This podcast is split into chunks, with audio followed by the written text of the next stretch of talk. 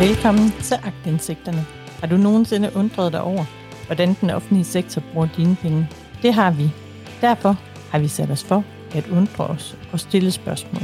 Bare fordi der sker ting, som ikke er nødvendigvis er ulovlige, så betyder det ikke, at det er okay. Derfor graver vi, hvor den offentlige sektor gemmer. Velkommen tilbage til Agtindsigterne efter en dejlig lang sommerferie. Og hvis vi kigger på dansk politik, så har det bestemt været en meget begivenhedsrig sommerferie. I starten af juli måned udtalte de radikale, at de efter minkskandalen ville have Mette Frederiksen til at udskrive valg i sensommeren. Og hvis ikke hun gør det, så vil partiet vælte regeringen.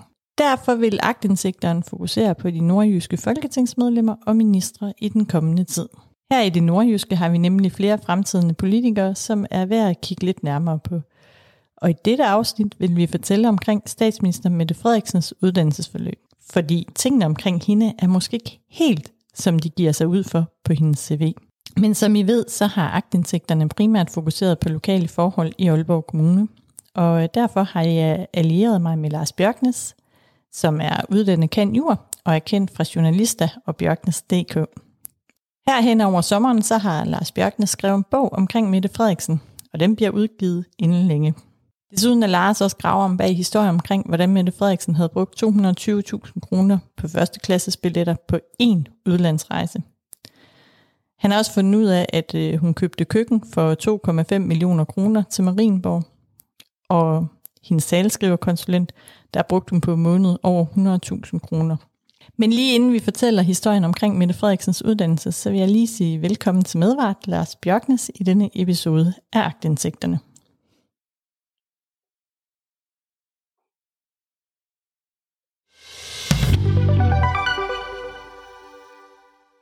Lars, du har jo skrevet en bog omkring Mette Frederiksen, så lige inden vi går i gang, så vil jeg lige høre, hvilke Mette Frederiksens historie synes du, der er bedst? Jamen, jeg synes forløbet, at, i hvert fald hvis vi ser på, på besøgstal, så den historie, som har trukket mest, den handlede om øh, en dame, der hedder Sara Vad, som er gift med øh, Peter Hummelsgaard, som jo også er minister. Øh, og da Sara Vad, hun var højgravid, der blev hun forfremmet, så fik hun en, øh, en lønforhold samtidig, så hun tjener så omkring de her 1,2-1,3 øh, millioner de er så dog kun halvdelen af, hvad Barbara Bertelsen siger. Øh, det er også en historie, der har trukket, der har trukket rigtig godt. Ja, er der flere historier? Hvad for en synes du, der er bedst? Jeg synes måske, den der er bedst, det er måske også det, der sådan, øh, giver, giver en omfang et billede af, hvad det er, som, som man op og, øh, altså, hvad det er, man op mod, når det handler om statsministeriet. Det var under, under minkskandalen, eller øh, den sådan øh, for alvor bryder ud, der ringer Mette Frederiksen til, øh, til Mink-organisationens øh, brancheformand Ja. Og så skulle man jo tro, at når, når landets statsminister ringer og fortæller øh, formanden på en brancheorganisation, at, at øh, deres, øh, deres virksomhed bliver, bliver lukket, så skulle man jo tro, at for eksempel have lavet et helt basalt telefonoptag. Ja. Det er ligesom kravet inden for det offentlige. Hvis du, hvis du agerer som myndighed, jamen så er det også en forudsætning, at du bagefter kan dokumentere, hvad det er, der er sagt, øh, og det gør man så via telefonportal. Altså når hun ringer til ham og siger, at vi skal lukke et erhverv, så må man vel betragte, hvis man sidder som minkformand, at det er en afgørelse, der er truffet, ikke? at det er ikke bare sådan en høflighedssamtale. Ja, og, øh, og så skulle man også tro, at, at der var styr på at få taget et, et telefonnotat. Det var der ikke. Øh, der, der findes ikke noget telefonnotat ifølge, ifølge statsministeriet. Det gør der heller ikke, da, da man ringer ud fra øh, kulturministeriet, for eksempel øh, til TV2 og DR og siger, at nu er I nødt til at lukke nogle af jeres produktioner herunder øh, coronaen, simpelthen af øh, sikkerhedsmæssige årsager. Der skulle man også tro, at når de får en melding fra Kulturministeriets departementchef om, at nu, nu, nu lukker I altså de her ting, så skulle man jo også tro, at det var en tidspunkt. Men, men det er der heller ikke. Og det er sådan det generelle problem i forhold til, til først og fremmest Mette Frederiksen, men også efter hun tiltræder i 2019, det er, at ting simpelthen enten ikke eksisterer, eller forsvinder. Statsminister Mette Frederiksen er født den 19. november 1977 i Aalborg. Hun fortæller selv til TV2 Nord, at hun er opvokset i Grønlanderkvarteret i Aalborg, som er kendt for at være et socialt belastet boligkvarter. Grønlandskvarteret, som vi står i her, øh, da jeg var barn i 80'erne, det var et kvarter, hvor mange havde det svært. Altså, øh, der var arbejdsløshed, øhm, og der var også her altså, nogle ret tunge sociale problemer.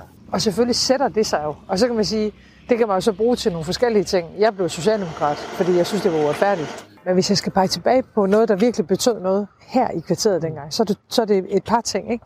Det var faktisk i høj grad biblioteket. Og Åsa og Hanne, som var børnebibliotekar, de klarede de fleste af de sociale problemer i området også. Siden historien i TV2 Nord, så er det så kommet frem, at statsministeren måske pyntede en lille smule på sandheden. Mette Frederiksen boede nemlig det meste af sin barndom i en murmestervilla i et parcelhuskvarter, hvor livet var meget mere rosenrødt. I modsætning til børnene i Grønlænderkvarteret, så gik Mette Frederiksen på Aalborghus Gymnasium og fik sig en studentereksamen. Så langt, så godt. Hun blev færdig i 1996, og nu begynder der at ske noget rigtig spændende med hendes CV. Når man kigger på Mette Frederiksens CV, så står der, at hun blev bachelor i samfundsfag for Aalborg Universitet i 2007. Det sjove er så, at ved hendes studentereksamen, så oplyser hun, hvornår hun påbegyndte den, og hvornår hun sluttede. Men det gør hun ikke ved universitetet. Dermed er begyndelsesåret for, hvornår hun begyndte på Aalborg Universitet skjult. Men jeg kan så afsløre, at det var i 1997. Og dermed så skjuler hun, at hun var 10 år om at tage en bacheloruddannelse, der er nummeret til tre års studie. Og øh, når man lige graver lidt i Wikipedia, så er det faktisk sådan, at de har øh, historik, så man kan se, hvad der blev ændret. Og en gang på Wikipedia, så stod der faktisk noget om, at hun begyndte i 1997 på Aalborg Universitet. Men øh, den oplysning, den er mærkværdigvis slettet. Men den har altså været der engang. Altså, statsminister Mette Frederiksen blev student i 1996. Herefter fik hun en bachelorgrad i samfundsfag for Aalborg Universitet. Senere så fik hun så en mastergrad i Afrikas studie i 2009. Det vil sige, at der gik 13 år fra hun blev student til hun fik sin mastergrad. Og det sjove er faktisk, at øh, fire år senere, så stemte Socialdemokratiet faktisk for en fremdriftsreform, der skulle få unge hurtigere igennem uddannelsessystemet. Men for de opmærksomme lyttere, så er der noget, der vil undre jer. Fordi hun har ikke en kandidatgrad i, i Afrikastudie. Hun har en mastergrad i Afrikastudie. Og for at kunne tage en masteruddannelse, så skal man efter adgangsgivende uddannelse have to års erfaring. Altså, det betyder, at to år efter, at Mette Frederiksen blev færdig på sin bachelor, så kunne hun starte på en masteruddannelse. Men det sker ikke. Hun kunne starte på masteruddannelsen i 2009. Det gør hun ikke. Det er faktisk det år, hun bliver færdig. Og masteruddannelse er nummeret til to års deltidsstudie. Og det er så her, Lars Bjørkens kommer på banen.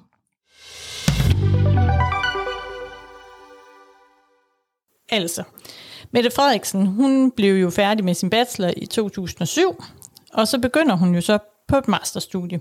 Og Lars, hvad er det egentlig for et masterstudie, Mette Frederiksen, hun påbegynder?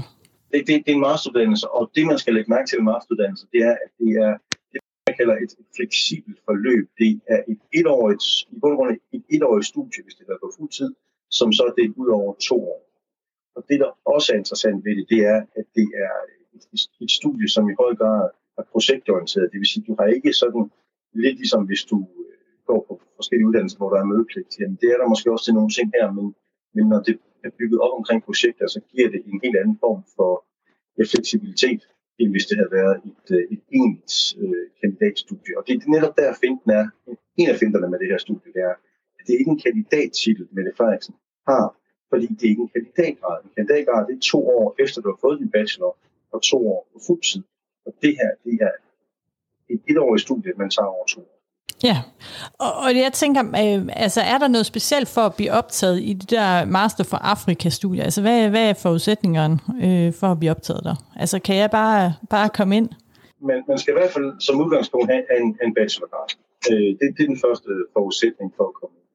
Og det kan sige, det har Mette Frederiksen. Hun tog, var det hun regnede 10 år om at blive bachelor fra Aalborg Universitet. Øh, så hun havde den bachelorgrad fast, da hun, da hun startede i 2007. Men det, som er, er det store problem i uh, uddannelsen, set for, for, for den synspunkt, og også for Københavns Universitet, det er, at du skal have to års praktisk erfaring efter du får din, uh, din bachelor, øh, før du kan blive optaget. Så det vil sige, at når Mette Frederiksen bliver færdig i 2007 med sin bacheloruddannelse op på Aalborg Universitet, jamen, så kan hun først starte i 2009 på masteruddannelse. Ja, og det men vil af jeg en eller anden grund, men af en eller anden grund, så bliver hun optaget i 2007. Ja. Øh, og jeg så forsøgt at finde ud af, hvordan, hvordan går det til, at Mette Frederiksen kan få lov til at starte på en uddannelse to år før, at, der er mulighed for det. Og det er et rigtig, rigtig godt spørgsmål, fordi Københavns Universitet har til sydlandet øh, ja, bortlagt, er måske et rigtigt udtryk, øh, de, øh, de studienævnsmøder referaterne fra dem, hvor man kan gå ind og se, hvad var det, der blev besluttet, hvem var det, der blev optaget, og hvordan skete det sådan i det hele taget. Men de dokumenter er sådan på en, en mærkværdig måde ikke længere nogen, som de har på Københavns Nej, og det, og det er bare lige til dem, der ikke kommer fra universitetsverdenen, så er det sådan, at øh, når man bliver optaget på et studie, og man måske ikke helt kan opfylde kravene, så kan man skrive et brev til et studienævn og sige, øh, kære studienævn, jeg opfylder måske ikke helt de her krav, men jeg mener, de her, jeg har de her kompetencer. I stedet for vil I give mig en dispensation, så jeg kan påbegynde uddannelsen i stedet for. Og typisk tager man det så op på studienævnsmøde, og når det er sådan et studienævnsmøde, jamen så er der både en dagsorden, inden man afholder studienævnsmøde, og så er der efterfølgende et referat. Men, øh, men det er så det, vi ikke har kunne finde fra Københavns Universitet, i hvert fald indtil videre. Ja, og det er da også interessant, man kan sige, hvis, hvis det er et almindeligt studie, du bliver optaget, det almindelige kandidatstudie, du bliver optaget på, så er det en koordineret tilmelding. Og, øh, og så kører det på en helt anden måde, end hvis det er en masteruddannelse. I en masteruddannelse, der er det som sådan uddannelserne selv, altså det vil sige praksis, øh, studienævner eller studieledere, der optager dem, som øh, kan komme ind. Så det, det, har, det har været Københavns Universitets øh, ja, Center for Afrikastudier, som hører under øh, hvad hedder det, de mere religiøse studier, øh, det, teolog, det teologiske fakultet på, på Københavns Universitet. Det har været dem, der har skulle optage og det er de papirer fra den optagelse, som på, på meget, meget mærkelig vis øh, pludselig se ud til. Men når nu man skal tage på sådan en masterstudie, ikke? Altså, det kan jo godt, nu har jeg jo set prisen på masterstudier, men de kan jo rangere fra mm, altså op til 250.000 i Danmark og over en halv million, hvis man er i USA. Ikke? Altså, det lyder jo rigtig, rigtig dyrt som folketingsmedlem, at man betaler for sådan en masterstudie, hvis man skal af med 250.000. Altså, var det det, hun betalte for den? Nej, det har selvfølgelig kun været øh, det, det, altså, det billigste masterstudie, du kan, tage, du kan tage på Københavns Universitet. De ligger ifølge Københavns Universitet selv, så ligger priserne for en, en masteruddannelse mellem 7.000 og 360.000. Ja. Og øh, der har det her studie, det er altså det, det, er det billigste. Øh, det er billigere end at tage det, man kalder diplomuddannelse, det vil sige f.eks. Øh, eller lignende uddannelser. Det, det er væsentligt dyrere at tage dem end ved Frederiksens øh, Afrika-studie. Så hun har simpelthen taget billigste studie, hun nærmest kunne øh, komme ned med.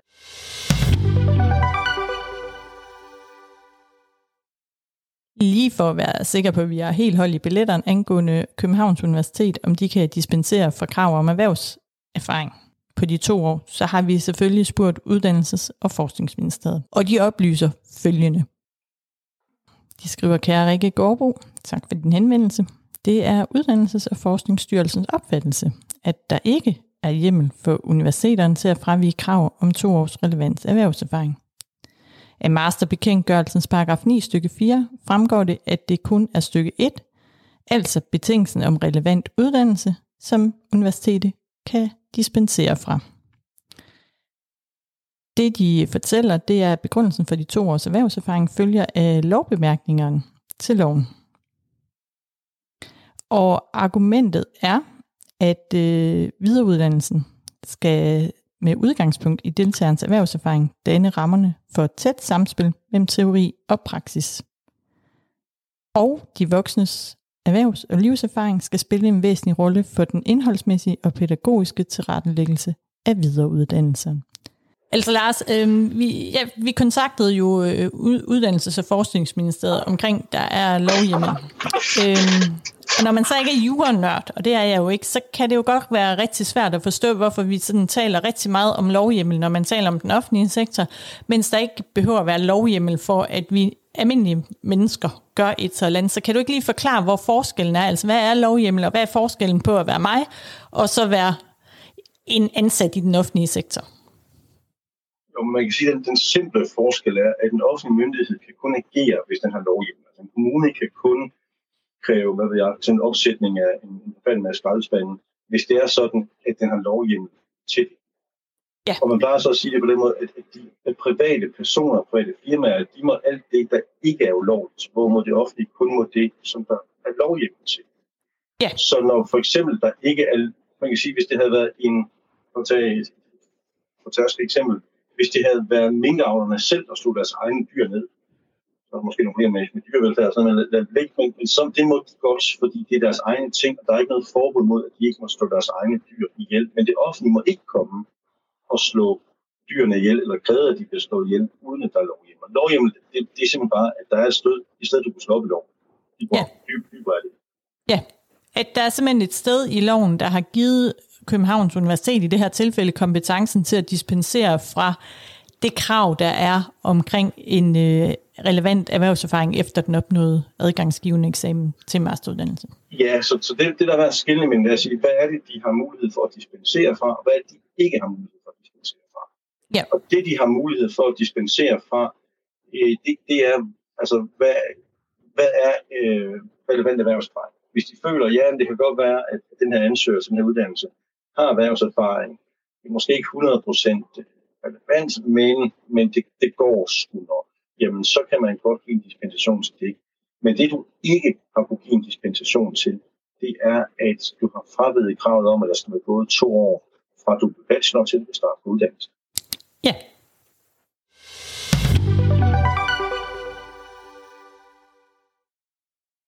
Så lige for at skære det ud i pap, så vil Mette Frederiksen gerne fortælle om, at hun voksede op i Grønlanderkvarteret i Aalborg. Men hun glemmer lige at fortælle, at hun boede i den mere velstede del af kvarteret i et almindeligt parcelhus, og gik på den mindst socialt belastede folkeskole i området.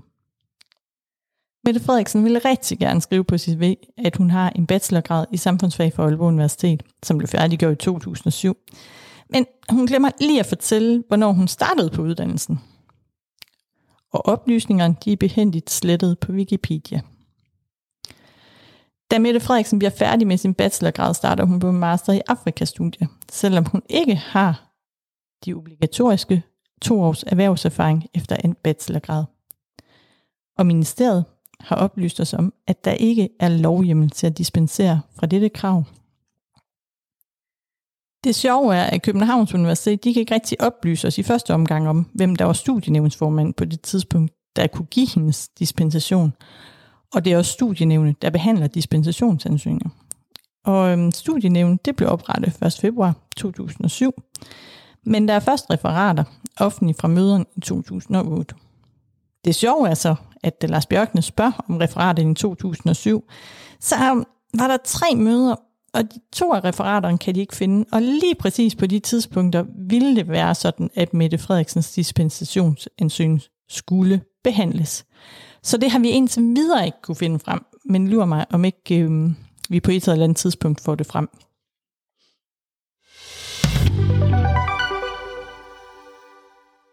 Altså, som jeg startede med at fortælle, så har du jo lige skrevet en bog omkring Mette Frederiksen, der bliver udgivet lige om lidt. Hvad tænker du egentlig? Nu har du jo gravet meget mere i hende, end jeg har. Hvad tænker du om det her, vi har fundet ud af sammen? Jeg tænker, at det, der er interessant først og fremmest, det er, at, det begynder ligesom, at systemet ikke kun lukker sig om sig. Så det her system har jo sådan set nok, nok altid gjort. Men, men det, der ser ud til at være tilfældet nu, det er, at man er ved at skabe et system, hvor at målsætningen er, at der ikke skal være gennemsigtighed. Det minder mig lidt om, om EU-systemet, dem der, har, dem, der har prøvet at få informationer ud af EU-systemet. Altså sandsynligheden for det er lige så lige stor som, som at der er to torsdage i en uge. Fordi systemet er bygget i forhold til, at man ikke skal kunne se, hvad der foregår øh, i Bruxelles og Strasbourg. Ja. Og sådan har det været omvendt altid i Danmark, at formålet med lovgivning, formålet med, med måden, vi har bygget vores systemer på, det har været, at det skal være muligt for andre at få et simpelt og hurtigt indblik. Og øh, der, der ser ud til nu at være en, en generel ændring. Så systemet ikke kun lukker sig om sig selv, og som sagt, det her system er sådan set har, har altid gjort, men at man begynder at tillade, at man er ret ligeglad med lov. Ja. Så når vi for eksempel har, så når, vi, når jeg for eksempel øh, i, i juni får en udtalelse til Folketingets ombudsmand om, at statsministeriet ikke har behandlet aktivitetsbegæringer efter reglerne, så skulle man jo tro, ligesom, øh, ligesom i gamle dage, hvornår de gamle dage sagen var, men der har udgangspunktet altid været, at hvis ombudsmanden har sagt et eller andet, jamen så rettede man ind. Det går, at man ikke var enig med ombudsmanden, men det, som, som ombudsmanden sagde, jamen det, det, det fulgte man så. Det har man så ikke gjort. Man har faktisk gjort lige præcis det modsatte, og det har man gjort i en række tilfælde. At hvis ombudsmanden siger, at du må ikke blive ved med at udsætte i det uendelige, øh, uden at du har en, en egentlig grund, jamen øh, så ville man have stoppet med det normalt. Så havde man jo sagt, jamen øh, det, det skulle være skidt, og det her, det må, vi, det må vi ændre på. Men man gør bare det modsatte. Øh, men man er fløjtende ligeglad i bund og grund med, hvad det er, som, øh, som ombudsmanden siger og gør. Og det er der forskellen ligger øh, på, hvad det var, der foregik tidligere, indtil 2019, hvor Mette Frederiksen kommer til, og så efter 2019. Jeg har også tit oplevet kommunale sagsbehandlere, hvad skal man sige, tage fejl, øh, hvis det er nogle nye områder, som de har mere at gøre, hvis det er noget, de ikke er vant til at arbejde med, jamen så, så, så, så laver vi jo alle sammen fejl i sådan en situation, det, det gør man selvfølgelig også i de kommunale. Men forskellen på de kommunale og så nu de statslige, det er, at de statslige ser ud til at være fløjtende ligeglade, hvorimod at kommunerne stadigvæk sådan overholder reglerne. Men det er jo klart, at hvis dem, der er, hvis dem, der er allerøverst i systemet, hvis de er ligeglade, jamen så forgrener det sig også nedad i systemet. Så det er jo sådan set bare et spørgsmål om tid, før at kommunerne, at kommunerne begynder med det samme, som, som det, vi har med at gøre. Ja, så, øhm, men jeg er jo rigtig, rigtig spændt på, at vi har jo gravet en masse andre ting, øh, hvor vi også har fundet ud af, at det er lidt vanskeligt at få oplysningerne frem. Men øh, jeg tænker, at vi laver nogle flere podcasts omkring, hvad det er, vi øh, fandt ud af.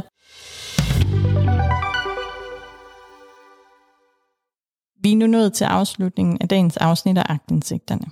Det er den første i en række podcast, hvor vi kigger nærmere på de nordjyske folketingsmedlemmer og ministre. Fordi der ser nemlig ud til, at der kommer folketingsvalg inden længe. Agtindsigterne og journalister har meget, meget mere at fortælle, og vi har allerede lagt en historie ud på journalister.dk, hvor vi sammen har gravet frem, at fødevare, landbrugs- og fiskeriminister Rasmus Breen kunne låne Aalborg Lufthavn gratis, med hans, mens han var Socialdemokratiets transportoverfører, mens de politiske modstandere i Liberal Alliance skulle betale. Den sag fortæller vi mere om i denne afsnit. Så nu er det bare at sige tak for i dag, og husk, du kan læse journalisters artikler på journalister.dk, og du kan følge agtindsigterne på Facebook. Bare søg på agtindsigterne, og så får du løbende nyheder. På gensyn.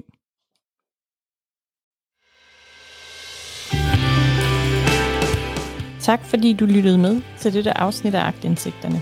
Du kan følge os på vores Facebook-side facebook.com-agtindsigterne. Hvis du har et godt tip eller andet, så kan du skrive til os på mail snablag Vi lyttes ved.